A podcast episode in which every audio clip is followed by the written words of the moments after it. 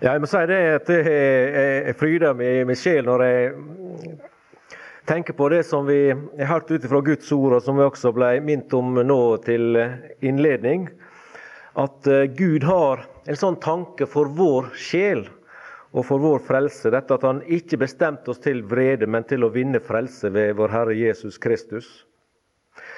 Og Når jeg da ser eh, at det gjelder meg, at han også tenkte på meg. Han heller, hadde heller ikke vrede i tanken i forhold til meg, men at jeg skulle bli frelst. Så um, syns jeg det var herlig å synge her dette andre verset. En evig takk til deg, det strømmer ut fra mitt hjerte i denne stund. O Gud, for din innbårne sønn, som ingen synder, ikke meg heller. Ikke deg heller. Ingen synder støter ut, men høre vil hans bønn. Og da føler jeg det rent følelsesmessig også slik at eh, det stemmer med, med sangen vi sang til å begynne med. Bryt ut min sjel i gledes lyd. Jeg hører Jesus til. Tenk det. Vi fortapte syndere i oss sjøl. Vi er kommet der hen. Jeg hører Jesus til. Han er mitt liv, min fred, min fryd, og ham jeg følge vil. Og eh, Det minner meg igjen om det som vi hørte i går, når han, eh, Johannes Sjøen snakka om at Gud vender det vonde til, ikke bare til det gode, men til det beste. Så i stedet for at slik som det var fra begynnelsen, mennesket ble satt inn i Guds skaperverk og skulle forvalte naturen, blir mange oppfyll jorden og legger den under dere. Og så, etter at det fatale skjedde med at synda kom inn, og alt dette, så presenterer Gud for synderne et frelsesverk som løfter oss opp på hans plan, opp på hans nivå, slik det kan heite. Det heter om det og meg. Vi er Guds arving og Kristi medarving. Det er helt utrolig, egentlig når vi tenker litt over det. Og det må forestille å fryde oss i vår, vår sjel med, i takknemlighet over for at vi er inn, inneslutta og innbefatta i denne Guds frelsesplan og hans virkeliggjøring av hans frelsestanke i Jesus Kristus. At du og jeg virkelig lever der. Vi, er, vi lever i Kristus og satt med ham i himmelen. Og en gang skal vi personlig få oppleve i den kommende verden, i det himmelske riket, å være i hans nærhet for evig og alltid. Det er helt strålende. Eh, det som jeg vil eh, fortsette med nå, det er eh, noe som jeg har kalt for korsets resultater. I stad så snakka vi om disse to prinsippene som Gud har nedlagt i frelsesverket, i det som, som, måtte til for at du og jeg skulle bli frelst. Dette er et tilfredsstillende offer, som Jesus han var offeret. Som ofra seg sjøl i døden for oss. Og en stedfortreder som gikk inn i vår plass. Så eh, er det korsets resultater jeg gjerne vil minne oss om i kveld. Noen av dem. Vi kan si det slik til innledning at det, det som skjedde der på Golgata kors for snart 1000, 2000 år siden, det, det, skal, det skal, ikke reduseres til ei, modig heltegjerning. At Jesus var en som modig gikk til korset slik som enkelte ser på han, at eh, de ser på hans korsdød som et nederlag. At han hadde store vyer og store visjoner som han ga uttrykk for eh, mens han levde, men at han eh, ikke kom der hen at han fikk fullføre disse visjonene sine. Målet nådde ikke han. Han døde og ferdig med det. Slik er det jo mange mennesker som oppfatter Jesus og hans gjerning. Men det var ikke noe heltegjerning. Vi skal ikke se på han slik. Det var heller ikke et tegn på nederlag eller svakhet, som mange vil måtte hevde. Nei, Jesu død var, som vi prøvde å minne hverandre om tidligere, det var en redningsoperasjon iverksatt av Gud. Med det formål og den hensikt å redde og berge og frelse synderen fra evig dom og død. Og Resultatet det er at en person som opplever å bli frelst, som tar imot Herren Jesus, han får en ny stilling. Han får en ny situasjon. Det blir en ny nåtid for det mennesket.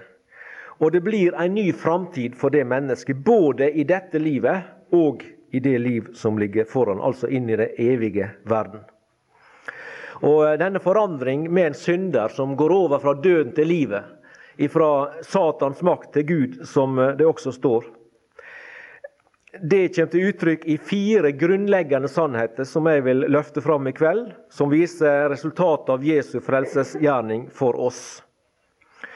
Det mennesket, ung eller eldre, som har akseptert og tatt imot for sin egen personlige del Jesu offerdød og hans stedfortredende død, eier de sannhetene som ligger i disse fire grunnleggende elementene. I disse begrepene. Og de fire det er da forlikelse, rettferdiggjørelse, forløsning og forsoning. De fire vil jeg stanse litt for videre i kveld. Og vi tar forlikelse først. Etter at en synder blir frelst, så kommer han eller hun inn i et forhold til Gud der vedkommende har fred med Gud. Det har skjedd noe fundamentalt nytt i forholdet mellom menneske og Gud. I det øyeblikket mennesket blir frelst. Vi har fred med Gud. Da Jesus gjorde, eh, døde på korset, gjorde han det mulig for deg og meg å bli forlikt med Gud. Og få gjenoppretta vårt fellesskap med Han ved tru på den Herre Jesus Kristus. Og Det som skjedde da, det, det var at f.eks. fiendskap det ble snudd til vennskap i mitt forhold til Gud. Fra å være Guds fiende i sin syndige tilstand og situasjon, så blir et frelst menneske kommet inn i, inn i et vennskapsforhold til Herren Jesus og til Gud Faderen. Fra å være fremmed, og som også Efeserbrevet sier, fremmedgjort fra livet i Gud. Fra å være fremmed og utafor, så flytter vi inn i en sammenheng der vi blir Guds barn. Vi kom i familieforhold til Gud. Vi ble barn, han blir vår far. En annen ting vi går fra vantru, mistillit, skepsis, motvilje, uvilje og til tru. Vi går fra motstand, motvilje, til kjærlighet. En kan, som Paulus, han, som hata de kristne, som uh, gikk i raseri mot de kristne og hadde en lignende holdning til den Herre Jesus, for han møtte jo det, det uttrykket 'Hvorfor forfølger du meg?' Så det var jo egentlig Jesus identifiserte seg med sine kjære, de troende han hadde rundt omkring der, som Paulus jakta på og vil det skade og ødelegge. Men denne personen som eh, hater de troende, og som hadde den innstillinga der, etter sitt møte med Herren Jesus så opplevde han en radikal forandring også i, i forholdet til det. Det ble kjærlighet. Han elska Herren Jesus. Han elska brødrene. Vi elsker fordi Han elsket oss først.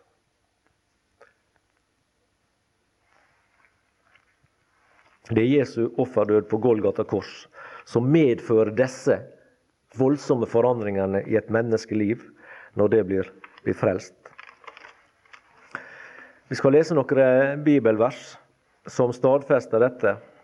At eh, når et menneske går over fra døden til livet, så har altså Jesu frelsesgjerning den virkning at vi blir forlikt med Gud. Vi har fred med Gud. Vi starter med Romerbrevet kapittel 5. vers 1. Da vi nå altså er rettferdiggjort av troen, har vi fred med Gud ved vår Herre Jesus Kristus. Vi har fred med Gud. Det er en helt annen situasjon i vårt forhold til Gud. Det som før var preg av ufred, fiendskap, motstand, motvilje, avsky. Vi kan bruke en masse negative uttrykk for menneskets holdning til Gud i sin utfrelste tilstand. Nå er det fred og harmoni. Fred med Gud. Vers 10. For så sant vi ble forlikt, vi ble forlikt med Gud ved Hans Sønns død da vi var fiender. Der ser du at mange av disse nøkkelordene dukker opp igjen. Forlikelsen. Vi ble forlikt med Gud ved hans sønns død, det var årsaka. Grunnen ligger der. Da vi var fiender i vår ufrelste tilstand. Guds fiende. Vi blei forlikt ved Jesu død. Andre Korintierbrev, vi har vært borti det tidligere, femte kapittel. Men det kan leses om igjen og om igjen. Og det, Der vil jeg lese fra vers 18. Ja, kan ta vers 17. Det som skjer når et menneske blir frelst. Dersom noen er i Kristus, da er han en ny skapning. Det gamle er forbi. Se, alt er blitt nytt. Det er et nytt forhold til Gud. Vi, vi flytter over fra den første Adams område til den siste Adams område. Vi er flytta fra verden og det verslige og det materielle og det som forgår, og inn i den eh, sfære som hører Jesus Kristus til, som blir omtalt i Nytestamentet som Guds elskede sønns rike. Det er der vi befinner oss i dag. Og der er fred, og der er forsoning, og der er harmoni, og der er alle disse tingene som vi etter hvert skal, skal uh, komme til. Det gamle er forbi. Se, alt er blitt nytt. Det sier han fra Golgata, som gjennom det som skjedde der, og gjennom sin oppstandelse, som frigir synderen gjennom sitt, hans offer og stedfortredende død, som bringer oss fra det, det området, fra det landskapet, fra det landet, om du vil, Adams rike, over til Guds elskede sønns rike. Men alt dette, altså det som skjer med et menneske gjennom frelsesverket, alt dette er av Gud, som forlikte oss med seg selv ved Kristus, og gav oss forlikelsens tjeneste. Fordi Gud i Kristus forlikte verden med seg selv, så han ikke tilregner dem deres overtredelser, og har nedlagt i oss ordet om forlikelsen. Så er vi da sendebud i Kristi sted, som om Gud selv formante ved oss. Vi ber i Kristi sted, la eder forlike med Gud. Gud i Kristus forlikte verden med seg selv. Et forhold mellom verden og Gud, enkeltmenneske og Gud, som var som jeg har prøvd å vise fra Guds ord, som var en avgrunn så stor, som det står om i, som Jesus uttrykte i en annen sammenheng, med, med Lasarus, du husker det? Som, som eh, våkna i Abrahams fang der, og så, og så var det han andre karen. Og så sier Abraham det er et svelg mellom oss og dere, sa han. Ingen kan komme over fra dere til oss, og ingen fra oss til dere. Det var et uoverstigelig svelg. Og det var det også imellom det falne menneskeslekt og Gud. Men så er det at Gud gjennom Jesus Kristus griper inn og forliker verden med seg selv, så han ikke tilregner dem deres overtredelser. Og så når du og jeg har opplevd dette, da, så legger han det inn på oss at nå har du opplevd virkninga av Jesu frelsesverk. Nå er du frelst og kommet over i den nye stilling. Fra Adam og inn i Kristus. Alt dette som har skjedd, det er det av Gud. Og så har han gitt oss en tjeneste, nemlig å fortelle andre at Gud han har gjort sitt. Gud har ordna opp. Han har forlikt verden med seg selv. Nå er det om å gjøre at du forliker deg med Gud. Og Det er de og min oppgave og vår tjeneste for Han. Å be verden, det enkelte mennesket, la eder forlike med Gud.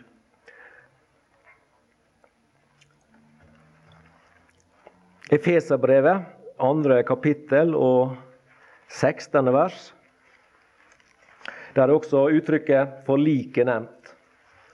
Hvis vi tar litt i vers 15, da, det snakker om de to og to, skape de to til ett nytt menneske idet han gjorde fred, og forlike dem begge i ett legeme med Gud ved korset, idet han på dette drepte fiendskapet. Og Der Det er også en forlikelse som skjer, og det skjer ved korset. Forlike dem begge i ett legeme ved korset, idet han på dette drepte fiendskapet. Og det er her snakk om Han, han har avskaffet en lov eh, som kom med bud og forskrifter og gjorde det to til ett. Og det er lenger oppe snakk om Israels borgerrett og hedninger. Så det, det er forlikelsen i den sammenheng. Men resultatet også der er at det, Gud, i og med Jesu Kristi frelsesverk, korset, hadde den virkning at det skjedde en forlikelse også i denne sammenhengen.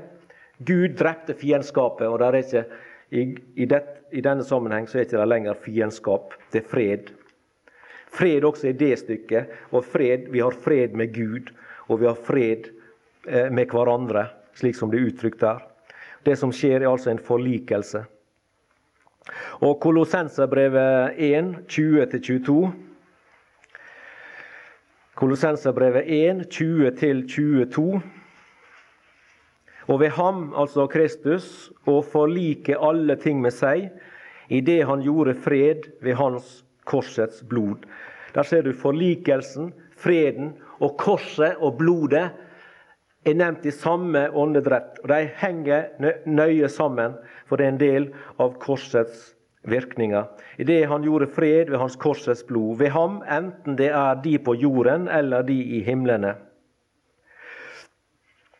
Også dere som fordum var fremmede og fiender, fremmede og fiender ved deres sinnelag i de onde gjerninger, eder har han nå forlikt, forlikt i hans jordiske legeme ved døden, for å fremstille eder hellige og ulastelige og ustraffelige for hans åsyn. Tenk for ei forandring. Vi som fikk den attesten i Esaias 64, at det, vår rettferdighet er som et urent og skittent klespålag som Gud ikke bryr seg om. Han tar ikke oss med i betraktning. Vi er syndere. Vi er fortapte i oss sjøle. Også gjennom Jesu frelsesverk og denne forlikelsen løfter han oss opp slik at vi blir hellige og ulastelige og ustraffelige for Guds åsyn. Det er noe av virkningene av Jesu Kristi frelsesverk. Så var det punkt to rettferdiggjørelse. Vi er som frelste erklært rettferdige for Gud. Og Det er også nesten utrolig å tenke seg. Når vi vet hva slags tilstand vi mennesker var i i forhold til Gud, at vi var syndere og skyldige på alle mulige, mulige felt. Og vi får jo en attest f.eks. i Romerbrevet 1, så det er jo nesten slik at vi har problemer med å å, å utover der, de første kapitlene, nesten problemer med å lese det. Der står jo om oss at vi, ingen gir godt og ingen er rettferdig. og vi er som kalker graver. og Det er voldsomt for en attest vi får. Det er ikke mye ros. Det er ikke ros i det hele tatt. Det bare gjør at vi vi får en attest om vi, eh, enkelte mennesker Kjøttet stikker seg fram, så vi kan ha problemer med å, å uh, erkjenne at det er sånn. Men slik er det. Vi kommer vel, velkommen alle sammen som er her i den situasjonen at vi må si med profeten at når jeg tretter med deg, så har du alltid rett. Så når, da, når, vi da fra å være syndige og syndere og skyldige og, og, og, og står for dommen og, faktisk bare venter dødsdommen over oss, at da det skjer det under det der i rettssalen, at vi blir erklært rettferdige, så er det jo utrolig og, uforståelig sett fra et menneskelig synspunkt. Men det er det, nok av det en del av den effekten som frelsesverket har. Så når han døde på korset, Jesus, så tok han vår straff på seg. og Derfor så er det slik at når vi tror på Han, så er synda borte ifra oss.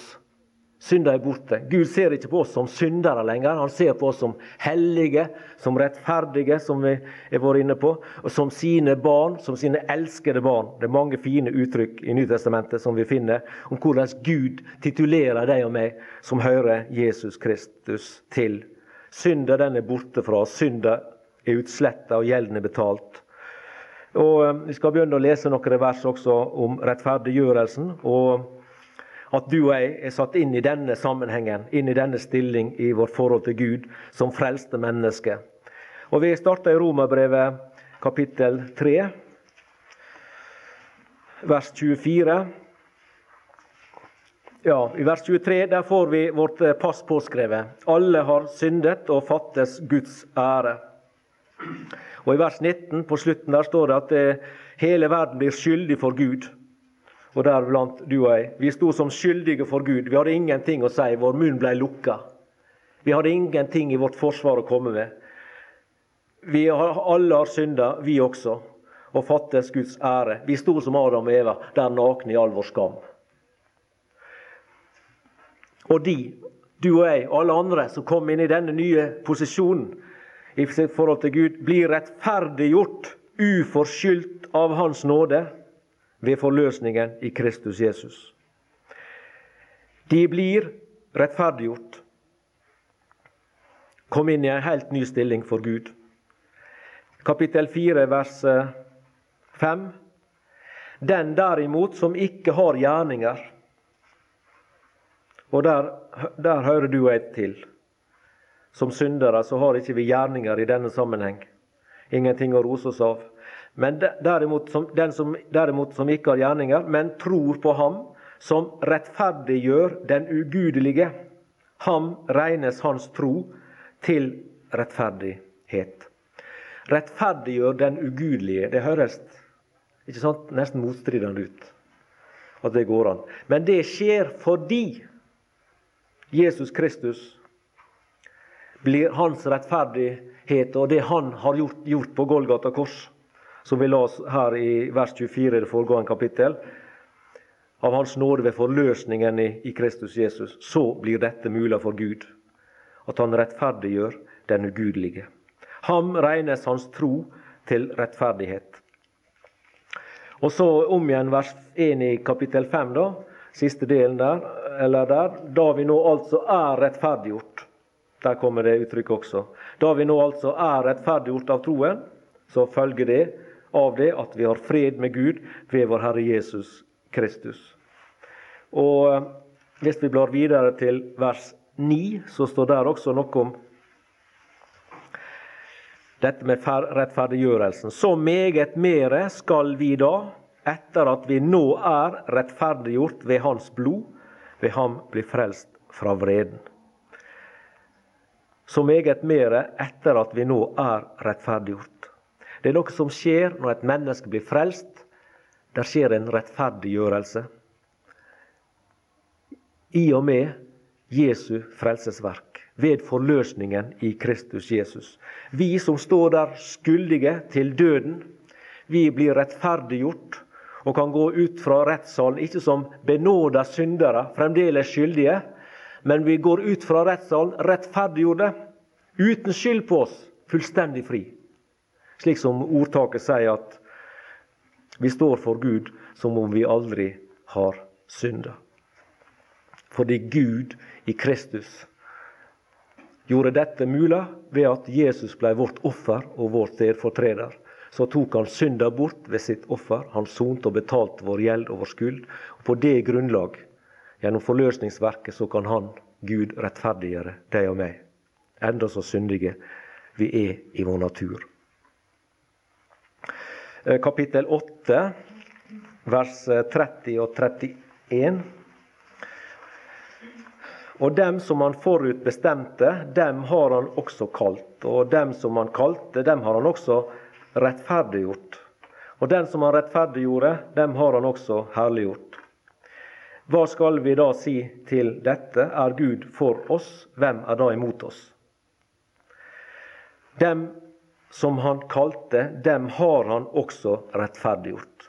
Så det er ingen tvil der. Det skjer med alle sammen. Så det, Vi kan ikke ha den tanken at det er rettferdiggjort, at den og hin er blitt rettferdiggjort. Ja vel, men jeg, er jeg blitt rettferdiggjort? Går Gud forbi noen? Tar han alle med, eller hvordan er det? Og det er sånn at De som han kaller, de som han kalte, de har han også rettferdiggjort. Så alle syndere som kommer inn i frelsesverket, opplever å bli rettferdiggjort ved forløsningen i Kristus Jesus. De følger en effekt av Jesu frelsesverk på korset. Og eh, Titus 3 Der står også dette med rettferdiggjørelsen. Titus 3 fra vers 4 til 7. Men da Guds, vår Frelsers godhet og kjærlighet til menneskene ble åpenbart, frelste Han oss, ikke for rettferdige gjerningers skyld, som vi hadde gjort, men etter sin miskunn ved badet til gjenfødelse og fornyelse ved Den hellige ånd, som Han rikelig har utøst over oss ved Jesus Kristus, vår Frelser, for at vi rettferdiggjort ved Hans nåde, etter håpet skulle bli arvinger til det evige liv. Og Her ser du at i frelsesverket så opererer Gud og Jesus Kristus i harmoni. Eh, det er i grunnen som, det er mange ting som skjer på korset, slik at det, det er ikke alltid så lett å, å, og se det ene og det andre fra hverandre og samtidig i fellesskap. Jeg tenker på f.eks. dette med at Gud, Jesus ble forlatt av Gud. Men på den andre side så ble ikke Jesus forlatt av Gud på Golgata kors. Han ble forlatt av Gud, men han ble ikke forlatt av Gud. Han ble forlatt av Gud i den forstand som han også sier, min Gud, min Gud, hvorfor har du forlatt meg? Men samtidig så leser vi her for nettopp fra 2. Korinterbrev 5 at Gud var i Kristus. Og forlikte verden med seg selv, og det var jo på korset. Så det ser ut som at det Faderen og Sønnen og Sønnen og Gud og disse to personene i guddommen de utfører forskjellige gjerninger i det samme drama. Og i én gjerningssammenheng så er Gud og Sønnen atskilt. Som også jeg leste i stad fra Macintosh. At Gud forla måtte forlate sin sønn for en tid. Men på en annen sammenheng i frelseshistorisk sammenheng som frelser, når Gud var aktiv som frelser, og forsoner og forliker, som var han der i Kristus og forlikte verden med seg selv. Men som dommer, når han dømte offeret, når Jesus var gjort til synd for oss, da måtte Gud dømme og eksekvere denne dommen. Og da var det Gud, min Gud, hvorfor har du forlatt meg? Og Det syns jeg kommer så fint uttrykk her i Titus, var derfor jeg kom på det nå. da. Dette med, I vers 4 der står men da Guds, vår frelsers godhet. Der står Gud, vår frelser. Men så står det i vers 6 ved Jesus Kristus, vår frelser. Så du ser I frelsesammenhengen så er Gud med og Kristus med. De er med begge to. Gud er frelser. Kristus er frelser. Det er i sitt forhold til synderen for å frelse synderen. Men i forhold til Guds sønn, i det å dømme synder og eksekvere dommen og tilfredsstille Guds hellighet, så blir det en annen side ved frelsesverk som var nødvendig for at andre skulle bli mulig.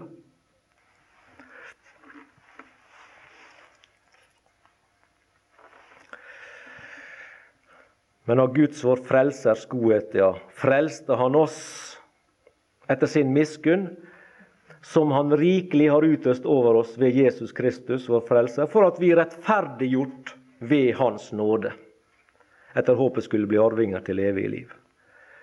Det er en annen av korsets resultater, at synderen blir frelst, og gjennom frelsa blir rettferdiggjort ved Hans nåde, som det her sto, og uforskyldt av nåde, som det sto i, i Romerbrevet. Det tredje punktet jeg har eh, notert meg opp, da, det er forløsning. Forløsning er også en av disse resultatene av korset, det som skjedde på korset. Golgata kors, Jesus Kristus og ordet om korset. Vi ble forløst vi er løskjøpt fra vår synd, og vi er løskjøpt og fri fra fordømmelsen. Jesu død betyr også at vi er kjøpt fri fra synda og Satans fangenskap. Og løsesummen den ble betalt av Jesus Kristus fullt ut. Du husker sikkert tilbake til i begynnelsen av et av første kapitlene, er det fire, mon tro, i Lukasevangeliet. Det er i hvert fall da Jesus i Nasaret tar eh, rullende og leser om seg sjøl ifra profeten. Og Der leser han litt av det som var hans gjerning på jord. Og Det var å forkynne evangeliet. Han kom med det glade og det gode budskap for å sette fange fri, fanger fri og gi blinde syn osv. står der. Og Det er en del av forløsningsverket, det at du, du, og meg vi ble kjøpt fri, løskjøpt ifra fang, det fangenskap som vi satt i, den snare vi satt i, i, i som et resultat av fallet. Jeg skal ikke lese det om igjen nå, men vi las jo ifra, ifra Romerbrevet, det var vel på fredag, at ens fall ble til fordømmelse osv. Vi las ned igjennom der. Hva dette ene mennesket eh, forårsaka som dramatiske følger for alle, også for deg og meg. Så vi, kom, vi, vi ble fanga i vår egen synd. Vi ble fanga av slangens list. Vi, vi ble underlagt eh, denne verdens gud. Som den dag i dag har makt og innflytelse over vantro. Det står jo det, Han har forblinda de vantro sinn for at lyset fra evangeliet ikke skal skinne for dem. Og Det er jo derfor det at det er verdens mennesker, slik var det for deg og meg også, hvis vi har vært ute i verden noen gang før vi ble, frelst. Heldigvis så er det mange av dere som sitter i salen her som aldri har opplevd det, og det må dere takke Gud for. Det er mye større nåde. Jeg las en gang, jeg kan ikke komme på det nå, men jeg las en gang det var diskusjon i den himmelske verden etter bortrykkelsen. og etter, Det var vel kanskje en, en, jeg tror det var en pause i, i, i sangøvelsen oppe i, i, i Faderhuset, da, når, han synger Lammets pris. Ikke sant? Og så var det en pause, og så ble det diskusjon mellom noen av de hellige der noen eldre og noen unge, og sånn, hvem som hadde opplevd mest nåde i livet på jorda. Og Da var det eh, en eh, alminnelig mann, for å si det slik. Og så ja, kan godt hende det var kvinner også, men eh, et alminnelig menneske, sånn som jeg vil si det. er et alminnelig menneske. Også en som hadde vært ute på, på, på livet og, og, stått i med, med, med, med med alkohol og, og liksom sånt. og Jeg tror han hadde vært både uteligger og dranker og alt mulig. Og sånt, og så, og ble han frelst på, på, på, tampen. da kanskje. Han ble redda og, og frelst. Og, og, levde siste tida i sitt jordeliv i samfunn med Gud. Og Den ene og den andre av disse fortalte sin livshistorie. Og så sto det noen ved siden av. Da skulle være dommere. Og, og, liksom Ja. Og vet du hva for et resultat de kom til? Ja, det vet du sikkert. Den som vant, for å si det slik, altså den som de andre syns hadde opplevd størst nåde, det var den unge. Det skulle mer nåde og visdom og omsorg til fra Guds side å føre et, et barn, en ungdom, gjennom et langt liv i en vond og vanskelig verden. Og fri og bevare de mennesker ifra fall og nederlag og ifra Satans makt og list og alt mulig enn å frelse restene av en alkoholiker og føre han inn i paradis. Og det tror jeg er sant. Derfor må du prise deg lykkelig, du ungdom som er her, som er frelst og kan glede deg i Herren nå, og få leve langt eller kort i fellesskap og samfunn med Han, og kunne være Hans ambassadører i den tid vi er gitt nåde til det. Du er den lykkeligste av oss som er her i denne sammenheng. Men eh, som, som menneske og natur så satt vi fanga. Og så skjedde det på Golgata kors, og fikk det følger for oss, slik som man, eh, Egil og Arne synger det vel. Snaren er sønder, fuglen er fri. Det skjedde den dagen vi kom til den Herre Jesus. Snarende søndag for vår del, fuglen er fri. Vi er fri i Kristus. Vi er ikke bunden, vi har ingenting med Han å gjøre. Synden, Satan, verden har ingen krav på oss lenger. Det har ikke noe med oss å gjøre lenger. Vi er fri i den sammenheng. Selv om vi har den gamle natur i oss, så har ikke den krav. Den ikke, vi er ikke dens bytte lenger. Nå er, vi, nå er vi på Jesu område. Nå er vi hans venn. Nå er han vår hyrde. Vår, vår mann. Han er vår mann. Og vi er hans. Jesus er min, og jeg er hans nå og til evig tid. Matteus 20, 28. Like som menneskesønnen ikke er kommet for å la seg tjene, men for selv å tjene og gi sitt liv til en løsepenge for mange. Det var dette forløsningsverket. Han kom for å forløse oss. Og han ga sitt liv til en løsepenge. Han betalte fullt ut til siste øre det som var nødvendig for at du og jeg og alle mennesker skal kunne bli frelst. Og Vi må tilbake til Romerbrevet kapittel 3. Det er jo kjerneordet i Nytestamentet, dette her, så det er ikke rart om vi må tilbake i flere sammenhenger. For de er så rike, disse ordene, og tar ulike sider ved samme sak opp. Vers 24. Og de blir rettferdiggjort, det var jeg inne på i stad, rettferdiggjørelsen. Og så kommer grunnlaget, uforskyldt av Hans nåde, ved forløsningen i Kristus Jesus. Der har du forløsningen, rettferdiggjørelsen og forløsningen. Vi er rettferdiggjort. Han har forløst oss, frikjøpt oss, sett oss frie fra fangenskapet og gjort oss til nye skapninger i Kristus Jesus. 1. Korintiabrev 1, vers 30, også et kjent ord i, i denne sammenhengen her. Første kor 1, 30. Men av Gud er dere i Kristus Jesus, som er blitt oss visdom fra Gud og rettferdighet og helliggjørelse og forløsning. Det er noe som alt dette som Kristus er blitt oss. Han er blitt oss dette. Det var det virkning av hans frelsesverk. Av ord om korset, Golgata-verket. Han er blitt oss visdom, rettferdighet, helliggjørelse og forløsning. Videre blar vi litt bakover her, så kommer vi til Galaterbrevet. Galaterbrevet 3 først. 3, 13. Kristus kjøpte oss fri fra lovens forbannelse idet han ble en forbannelse for oss. For det er skrevet:" Forbannet er hver den som henger på et tre. Det var litt av det jeg nevnte i går ut fra Gammeltestamentet om, om at det var så vanskelig for en jøde å tenke seg at Jesus var Messias ut fra ordet i, i Moseboka som nettopp sa om dette, at forbannet er hver den som henger på et tre, blir hengt på et tre. Men, Så det har med korsets anstøt for jøder å gjøre. Men begynnelsen av 13 her Kristus kjøpte oss fri. Det har med forløsningsverket å gjøre. Han kjøpte oss fri idet han ble en forbannelse for oss, og det ble han på Golgata kors. For det var der, den som henger på et tre, som eh, ble regna som forbanna. Han gikk inn i vår plass, han sonte vår synd, ble vår, vårt offer for Gud og vår stedfortreder. Og resultatet, mellom annet, at vi ble frikjøpt, at vi ble forløst. Og eh, over i kapittel fire vers 4 og 5. Men da tidens fylde kom, utsendte Gud sin sønn, født av en kvinne født under loven, for at han skulle kjøpe dem fri. Kjøpe fri. Kjøpe dem fri som var under loven, for at vi skulle få barnekår. Og jeg syns eh,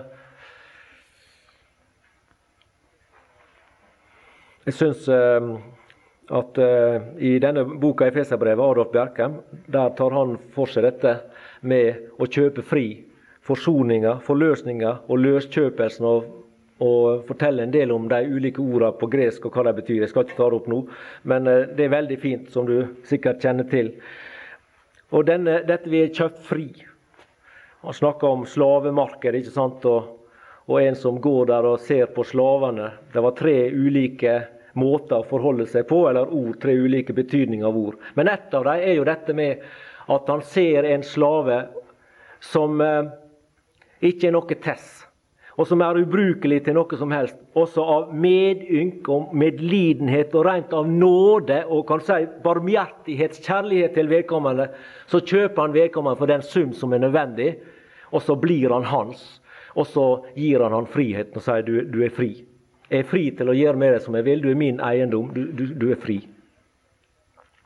Og slik som de forteller om fra misjonen i Afrika, han misjonæren som opplevde noe lignende, og så, og så sier denne afrikaneren som da var kjøpt, ikke sant, så sier han det at er det sant at du gir meg min frihet fordi du har kjøpt meg og kan gjøre med meg som jeg vil, så vil jeg bli hos deg hele mitt liv.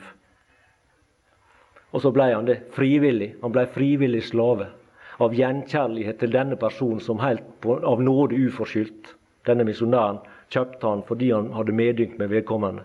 Og visste han ville gå en ille framtid i møte hvis ikke han i sin kristne barmhjertighet og kjærlighet kjøpte denne stakkaren. Og slik var det med Jesus og oss også. Han så oss der på slavemarkedet, bunden i synd og i Satans lenker og alt dette her, forblinda av denne verdens Gud. Og så betalte han den pris som var nødvendig for at du og jeg skulle bli frelst. Og så føler vi oss knytta til Han med et frivillig bånd. Kjærlighetens rep er det som binder oss til den Herre Jesus. Ikke bud eller forskrift eller lover eller sånne ting.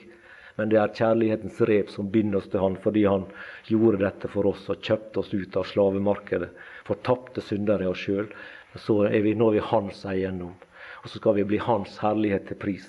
Så skal vi vinne, som Haurig i innledninga i kveld. Vi skal forbinde Hans herlighet også i det himmelske. Ja, og så har vi Efeserbrevet 1. Efeserbrevet 1, vers 7. I hvem vi har forløsningen. Det samme ordet igjen. I hvem vi har forløsningen ved Hans blod, syndenes forlatelse etter Hans nådes rikdom. Og Et tilsvarende uttrykk finner vi hvis vi blar bakover til Kolossenserbrevet 1 vers 14. I hvem vi har forløsningen, syndenes forlatelse. Forløsningen, syndenes forlatelse. Og Hvis vi fortsetter å bla, så kommer vi til Titus 2, vers 14. Titus 2, 14. Han som ga seg selv for oss han ga seg selv for oss. Der har du både offer og stedfortreder. Han ga seg selv for oss for å forløse oss. Der er forløsninga. Forløse oss fra all urettferdighet og rense seg selv et eiendomsfolk, nidkjær til gode gjerninger. Og vi blar videre, så kommer vi inn i Hebreabrevet, kapittel 9 og vers 12.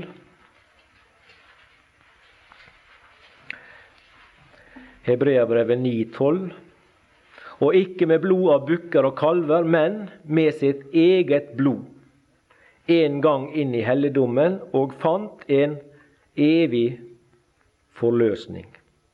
En evig forløsning. Og til slutt der, i 1. Peter 1, disse kjente versene der, som gjelder Jesu dyre blod, som du kjenner til, og den effekt som den hadde i forhold til synd og soning. 1. Peter 1, 18 og 19. For eh, I vet at det ikke med forgjengelige ting, sølv eller gull, ble løskjøpt fra eders dårlige ferd, som var arvet fra fedrene, men med Kristi dyre blod, som blodet av et ulastelig og lyteløst lam. Løskjøpt. Løskjøpt forløsning. Vi ble løskjøpt med Kristi dyre blod, som blod av et ulastelig og lytesløst lam. Ja, sannelig, Jesus betalte prisen. Jesus betalte det som var nødvendig for å kjøpe oss fri ifra synda og Satans fangenskap. Han betalte med sitt eget dyre blod. Og til slutt i kveld, det fjerde tingen som eh, hører med til korsets resultater, det er forsoning. Forsoning. Det innebærer at eh, vi som er frelst, vi er fri fra Guds vrede. Vi er fri fra Guds vrede. Det står om ei gruppe mennesker at det, Guds vrede blir over dem. står det. Guds vrede blir over dem. Og det er et forferdelig uttrykk i grunn, for eh, Guds vrede det er, det er ikke noe som en tar lett på. Det skal nok vise seg når Gud tømmer sine vredesskåler utover jord. Så eh, blir det dramatiske ting. Det kan vi ane ut fra åpenbaringsboka. Og det står om mennesker, ei gruppe mennesker, at Guds vrede blir over dem. Men for oss som er frelst, så er, er vi fri fra Guds frede. Som det står i et, en sangstrofe Gud er en forsonet Gud. Gud er en forsonet Gud. Og det er mulig ene og alene fordi det ble gitt et tilfredsstillende offer for synd til Gud på våre vegne. Vi kunne ikke ofre sjøl. Vi kunne ikke gjøre noen ting fra eller til sjøl, men det ble gitt et tilfredsstillende offer. Herren Jesus ga offeret, og var offeret. Og han ga seg sjøl for oss, på våre vegne, i stedet for oss. Straffa den ble lagt på han, som vi har vært inne på, for at vi skulle ha fred, og ved hans sår har vi fått legedom. Noen vers fra Nytestamentet om forsoning. 1. Johannes vers, kapittel 2 og vers 2. 1. Johannes brev, kapittel 2 og vers 2. Og han, altså Jesus Kristus den rettferdige, han er en soning for våre synder. Dog ikke bare for våre, men òg for hele verdens. Og dette er jo i det himmelske. For det er snakk om i vers 1 om talsmannen. Vi har en talsmannen. Vi har en talsmann. Og han er en soning. Så eh, son, Jesus som soningsoffer, han fungerer den dag i dag. I den himmelske verden, ved Faderens høgre. Der er han vår talsmann. Men jeg har mange ganger glett meg når jeg leser disse ordene om at det, det er jo snakk om synd i vårt liv der om noen synder. ikke sant? Om noen synder. Det er snakk om synd i den troendes liv. Og Da er det ofte glett med det at det, der står Da har vi en talsmann hos Det står, står ikke Gud, men det står Faderen. Og det minner meg om at det, selv om det kommer synd inn i våre liv, så er ikke familieforholdet ødelagt. Det er Faderen og barnet fremdeles. Det er far og barn fremdeles. Det er far og sønn fremdeles. Men det må eh, gjenopprettes et samfunnsforhold. Men det har ikke skjedd noe med slektsforholdet. Vi er fremdeles i familien. Det har glett meg mange ganger. Da har vi en talsmann hos Far, Jesus Kristus den rettferdige. Og han er en soning. Han er en soning for våre synder. Gud er en forsonet Gud, fordi Jesus gjorde soning, og det verket gjelder for Gud den dag i dag dag og natt, alltid. Romerbrevet kapittel 3 og vers 25.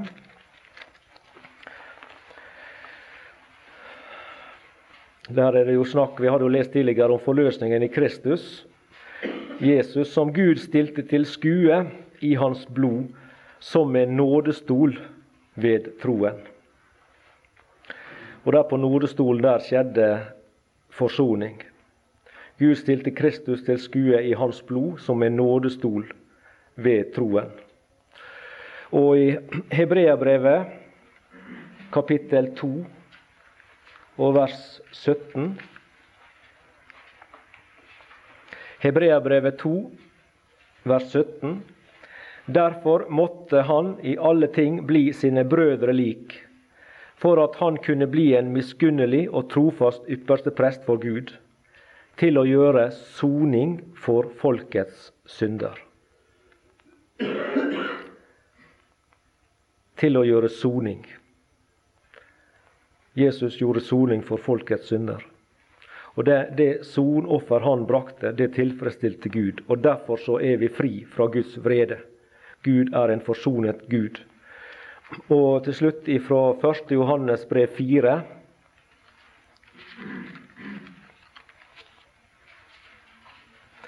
Første Johannes brev 4 og vers 10.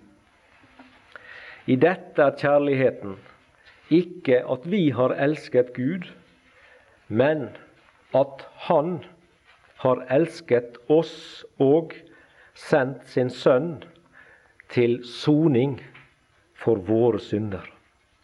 Jesus som sonoffer, det er et uttrykk for kjærligheten. Guds kjærlighet. I dette er kjærligheten. Ja, på hva slags måte? Jo, at Gud sendte sin sønn til soning.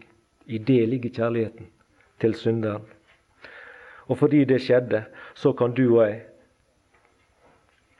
ved å bli frelst oppleve å bli forsona med Gud. Vi får del i Jesu sonoffer og soningsverk. Og så opplever vi det at det, vi er ikke lenger under Guds vrede. Tvert imot så, så er ikke vi bestemt til vrede. Gud bestemte ikke til vrede, hører vi, men til å vinne frelse ved vår Herre Jesus Kristus. Og Derfor så skal han også passe på, som ordet forteller, at vi ved ham skal bli frelst fra vreden, også i den kommende tid. Gud passer på sine. Takk og lov for det. I morgen formiddag da har jeg tenkt å si litt om noe jeg har kalt for korsets ironi. Det har med at det korset som på den ene sida var så anstøtelig og avskyelig og sto for død og lidelse og sånne ting, det har gjort livet mulig for millioner, milliarder igjen av syndere. At det som var så vondt og hersla, det er det som er, er synderens eneste håp.